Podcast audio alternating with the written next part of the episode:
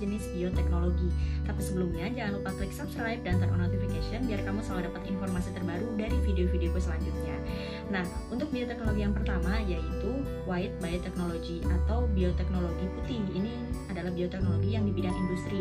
Industri apa aja? Yang pertama mulai dari industri pangan, meliputi suplemen, kemudian makanan e, probiotik, penyedap rasa.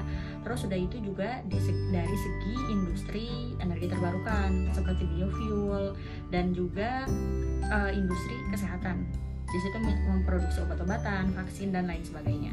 Kemudian yang kedua ada blue biotechnology atau bioteknologi biru. Ini lebih ke arah bioteknologi di bidang kelautan sama perairan, mulai dari penggunaan alga untuk energi terbarukan dan permanfaatan dari hasil-hasil laut dan perairan untuk peningkatannya untuk peningkatan manfaatnya di bidang bioteknologi. Yang ketiga yaitu green biotechnology atau bioteknologi hijau. Bioteknologi hijau ini lebih ke arah tanaman sama pertanian seperti misalnya menghasilkan buah-buahan yang tidak cepat busuk, tanaman yang tahan hama, kemudian uh, golden rice yang kandungan nutrisinya lebih banyak, kemudian kultur jaringan, rekayasa genetika untuk tanaman dan lain sebagainya banyak.